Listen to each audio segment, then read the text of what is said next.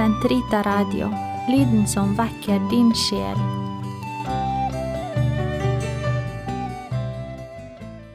Kroppens teologi, en kommentar til pave Johannes Paul 2.s onsdagskatekeser av Eirik Ambrosius Stenhoff. Totus tuus ego sum, et omnia mea tua sunt, archipio te in mea omnia, prebe mi cor tum Maria. Episode 15 Fordypning Kalt til kjærlighet Balthazar om den kristne stand Del 2 Kjærlighet som løfte i de ulike kall til kristent liv. I denne delen av episoden om det kristne kall skal vi se nærmere på det teologiske grunnlaget for ulike kall. Spørsmålet vi her tar for oss, kan eh, formuleres slik. Hva betyr de evangeliske råd? Fattigdom, kyskhet og lydighet? Og hva betyr det å avlegge dem som løfter? Når alle mennesker uten unntak er kalt til en fullkommen kjærlighet. I forrige del så vi at de evangeliske eh, rådene må betraktes som midler til denne fullkomne kjærligheten, og ikke et mål. I en forstand legger rådene ikke til noe det universelle kallet til kjærlighet. Dermed ville ikke kjærlighetsbudet vært absolutt og universelt, dersom de virkelig gav oss noe ekstra. Men å kalle rådene for eh, midler betyr likevel ikke at de er mindre verdt eller sekundære. Tvert imot betyr det at de gir det konkrete kallet til kjærlighet dets form. Balthazar resonnerer som følger, og han åpner sin bok om det kristne kall ved å definere hva kjærligheten er, som vi så i forrige del. Det dobbelte kjærlighetsbudet leste vi der. Du skal elske Gud og de neste av hele ditt hjerte, din sjel og forstand. Gjelder ethvert menneske. Og budet slik det er formulert, er i utgangspunktet grenseløst og universelt. Derfor kan vi også si at enhver realisering av kjærligheten søker fullkommenhet, en fullkommengjøring. Jesus ber oss da også om å være fullkomne slik Faderen er fullkommen. Kjærligheten innebærer derfor også eh, på en iboende måte et avkall på jeget. Å gi seg selv som gave er selve kjærlighetens vesen. Den konkrete realiseringen av kjærlighet finner derfor sted som en eh, forpliktelse. Og Balthazar skriver at siden kjærlighet i sitt vesen er å gi seg selv som en gave, har kjærligheten løftet som sin grunnform. Relasjonen mellom kjærlighetsbudet og de evangeliske rådene kan i dette perspektivet ikke betraktes som en, en uh, motsigelse, ikke engang en, en, en spenning. For rådene om fattigdom, kyskhet og lydighet for himmelrikets skyld blir i dette perspektivet noe mer enn bare løfter som avlegges um, høytidelig for å formalisere det gudvide liv.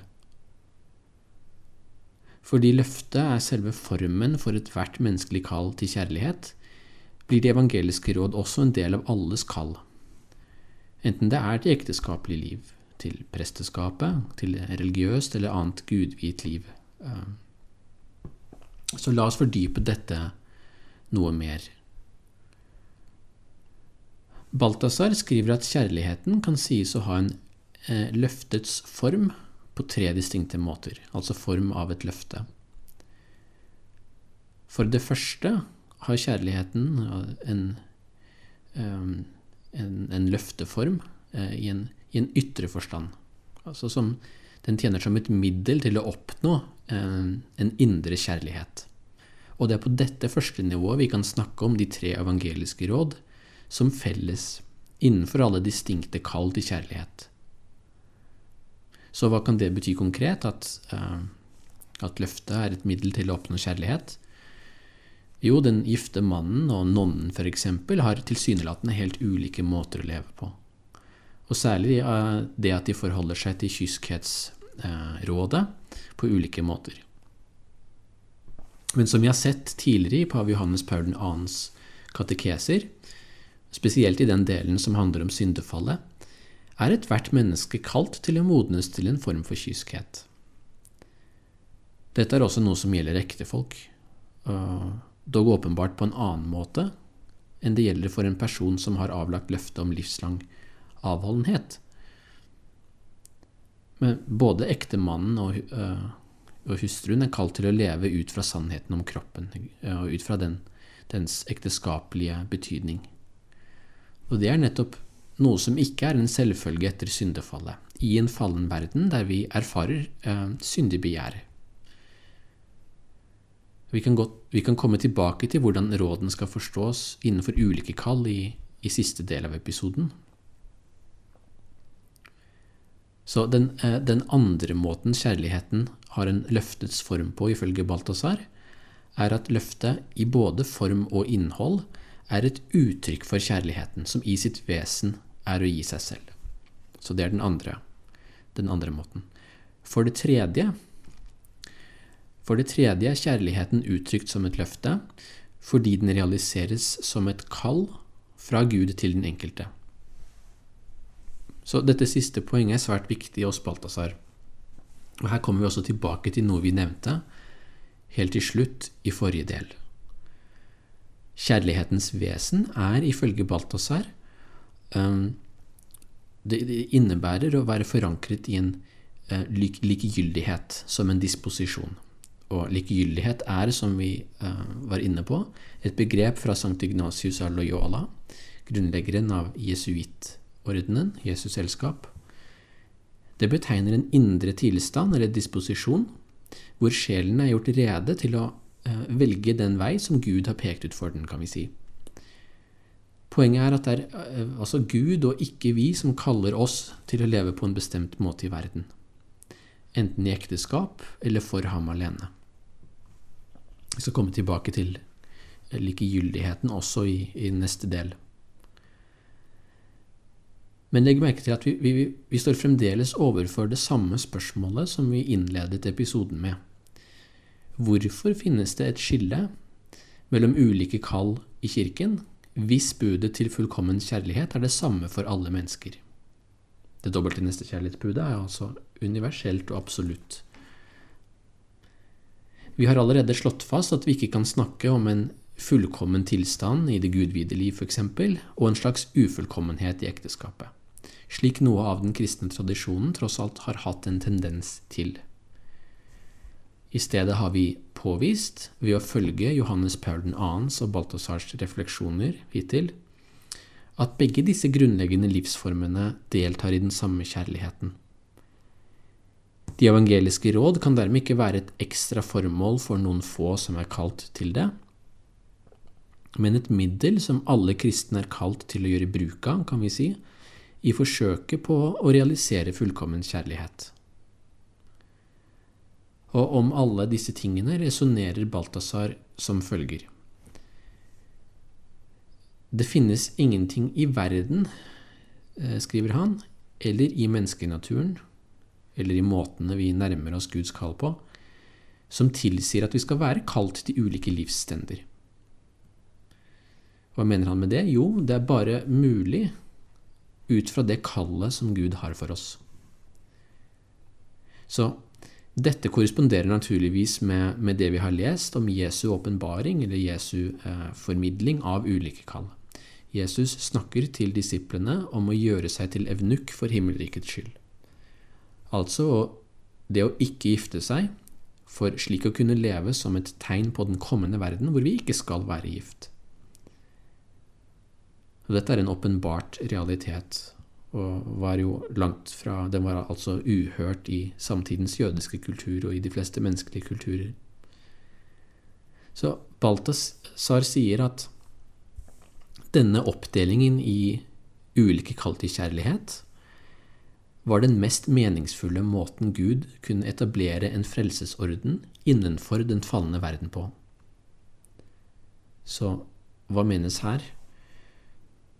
Vel, som vi har sett i onsdagskatekesene så langt, er det nettopp eh, romerbrevets ord om frelsen, kroppens forløsning, som gir oss nøkkelen til å forstå eh, menneskets kropp, men i grunnen hele menneskets eh, livsformål og potensialet. Både de som er gift, og de som ikke gifter seg for himmelrikets skyld, lever i det samme eskatologiske håpet, men på ulike måter.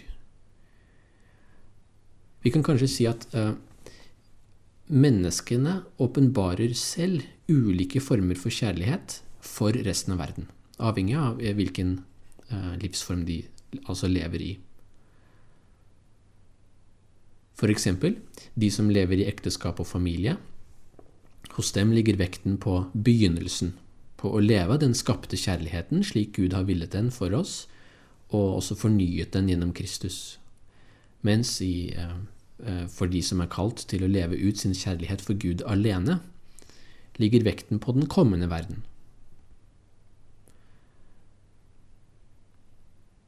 Balthazar, i likhet med Johannes Pør 2.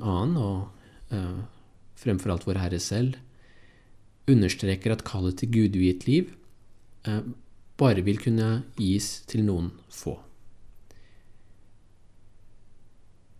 Det konkrete avkallet på uh, privat eierskap, seksuell fruktbarhet og familie, og personlig autonomi, som de tre evangeliske rådene krever som løfter, kunne jo ikke vært et universelt krav for, for alle mennesker, for alle kristne. Ja, Balthazar sier, sier, til og med at det ville på et vis true Guds skapte orden og, og undergrave den.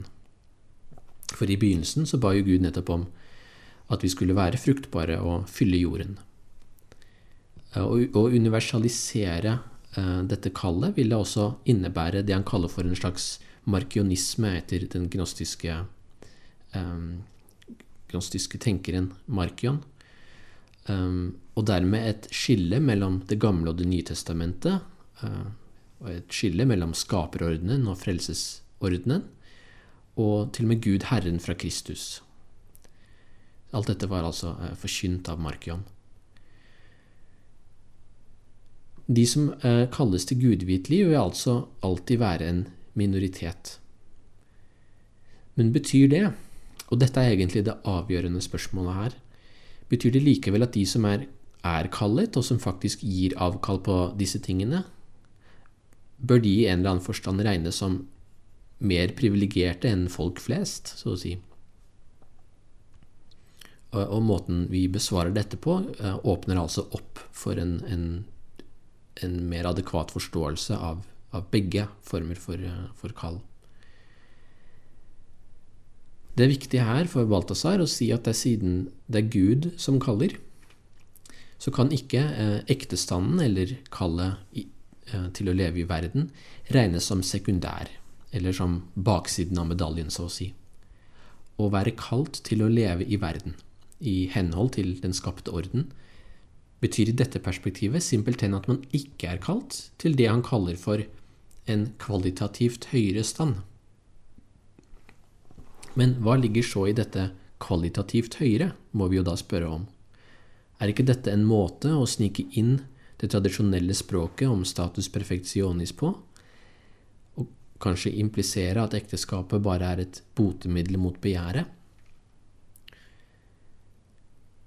Kanskje kan vi begynne her med å si at Balthazar ønsker å vise hvordan en autentisk ekteskapsforståelse og en autentisk forståelse av det gudvide liv er gjensidig avhengige av hverandre. Dersom en forstår ekteskapet på en utilstrekkelig måte, vil man også få en utilstrekkelig forståelse av det gudvide liv, eller vice versa. For det første, sier Balthazar, så er det som sagt Guds vilje, bekreftet av Kristus selv, at bare noen få mennesker er kalt til å leve avholdende for himmelrikets skyld. Men for det andre er enhver kristen, som vi har sett, en som er kalt til å følge Kristus. Og vi har snakket eh, litt om dette ut fra kjærlighetsbudet som perspektiv. Herren gir oss i evangeliene mange ord eh, som inviterer til svært radikal forsakelse og etterfølgelse, på en konkret måte. Mennesker som han møter i evangeliene, bes selge alt de eier, og følge ham. Noen gjør det, de tolv disiplene, eh, og etter hvert også mange andre. Men eh, mange, og enda flere, kanskje de aller fleste, gjør det ikke. Og den rike unge mannen gikk eh, bedrøvet vekk, som vi leser. Den kristne er i sitt vesen en som følger Kristus. Det ligger i navnet.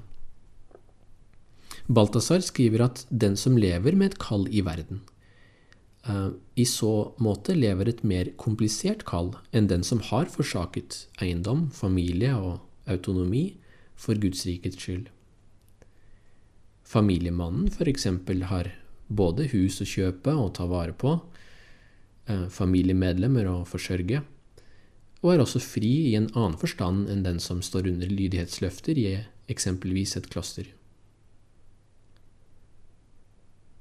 Den kristne som lever i verden, fortsetter Balthazar, lever med et kulturelt kall, og med det mener han et kall til å kultivere, i tråd med skaperens befaling om å fylle jorden og legge den under mennesket.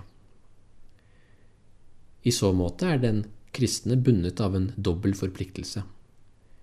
Han befinner seg på samme tid i den falne verden og forsøker å forvalte den i pakt med Guds opprinnelige intensjon for sin skapning, men han er også kalt ut av den og, og inn i den frelsesorden som Kristus har eh, kalt alle kristne til. Han har altså en fot trygt plantet i verden, men er også kalt hinsides verden. Men nettopp av denne grunn, sier Balthazar, er den verdslige stand, altså kallet til ekteskapelig og familieliv, styrt av den samme lov som den lov som kaller noen få til gudviet liv. Så hvordan kan det ha seg? Balthazar siterer her første Korinterbrev 7, som vi også så på kort i forrige del. Og her skriver Paulus Det er kort tid igjen. Fra nå av skal de som har kone, være som om de ingen hadde, de gråtende som om de ikke gråt, de glade som om de ikke gledet seg, de som kjøper noe som om de ikke eide det, og de som bruker verdens goder som om de ikke brukte dem. For denne verden slik den nå er, går under. Og det var altså fra 1. Korinterbrev eh, kapittel 7, versene 29 til 31. Paulus sitt poeng i sammenhengen er, som vi også så eh, tidligere, slett ikke å undergrave ekteskapet eller for så vidt noen av de eh, jordiske realiteter som han her nevner. Han vil understreke radikaliteten i det kristne kall, som er felles for alle, og her i lys særlig av eskatologien. Og vi kristne er, som det heter, i verden, men ikke av verden. Vi er kalt til å leve i den sannheten som Kristus har åpenbart for oss, at vårt liv har en retning og en mening, og at døden er beseiret. Men seieren over synden og døden kaster slett ingen skygge over livet i denne verden, men belyser det tvert imot innenfra. Skapelsens sukk er blitt, som vi leser i Romerne 8, et håpets sukk. Derfor er selv den kristne som lever i verden, ifølge Balthazar, kalt til å leve som om de ikke hadde. Men det er nettopp et kall til å leve i verden fullt ut, ja, på en langt fullere måte enn vi ellers kunne ha gjort, og ellers kunne ha forestilt oss. I verden, men ikke av den, som sagt. Fellesnevneren for de to formene for kristent liv, avslutter Balthazar, er at de begge består i viljen eller beredvilligheten til å forsake seg selv som igjen gjør oss frie til å elske. Og der har vi også hele hensikten med de evangeliske rådene og eh, deres relasjon til nestekjærlighetsbudet. Og kjærlighetsbudet, eh, kjærlighetsbudet, det dobbelte kjærlighetsbud. De evangeliske rådenes hensikt er at de skal hjelpe oss til frihet. Å opparbeide denne beredvilligheten til selvforsakelse krever imidlertid at vi først er likegyldige. Altså at vi som et første trinn lar Gud kalle oss til eh, det liv han vil. Han vil at vi skal leve. Og Det betyr også å være parate til å ofre oss selv. også etter at vi har avlagt ekteskaps- eller klosterløftene. Offerviljen må være der som et pulsslag gjennom hele det livet vi er kalt til. Det gjelder selvsagt like mye eh, innenfor et ekteskap som i et gudviet liv, selv om den konkrete forsakelsen vil ta ulike former.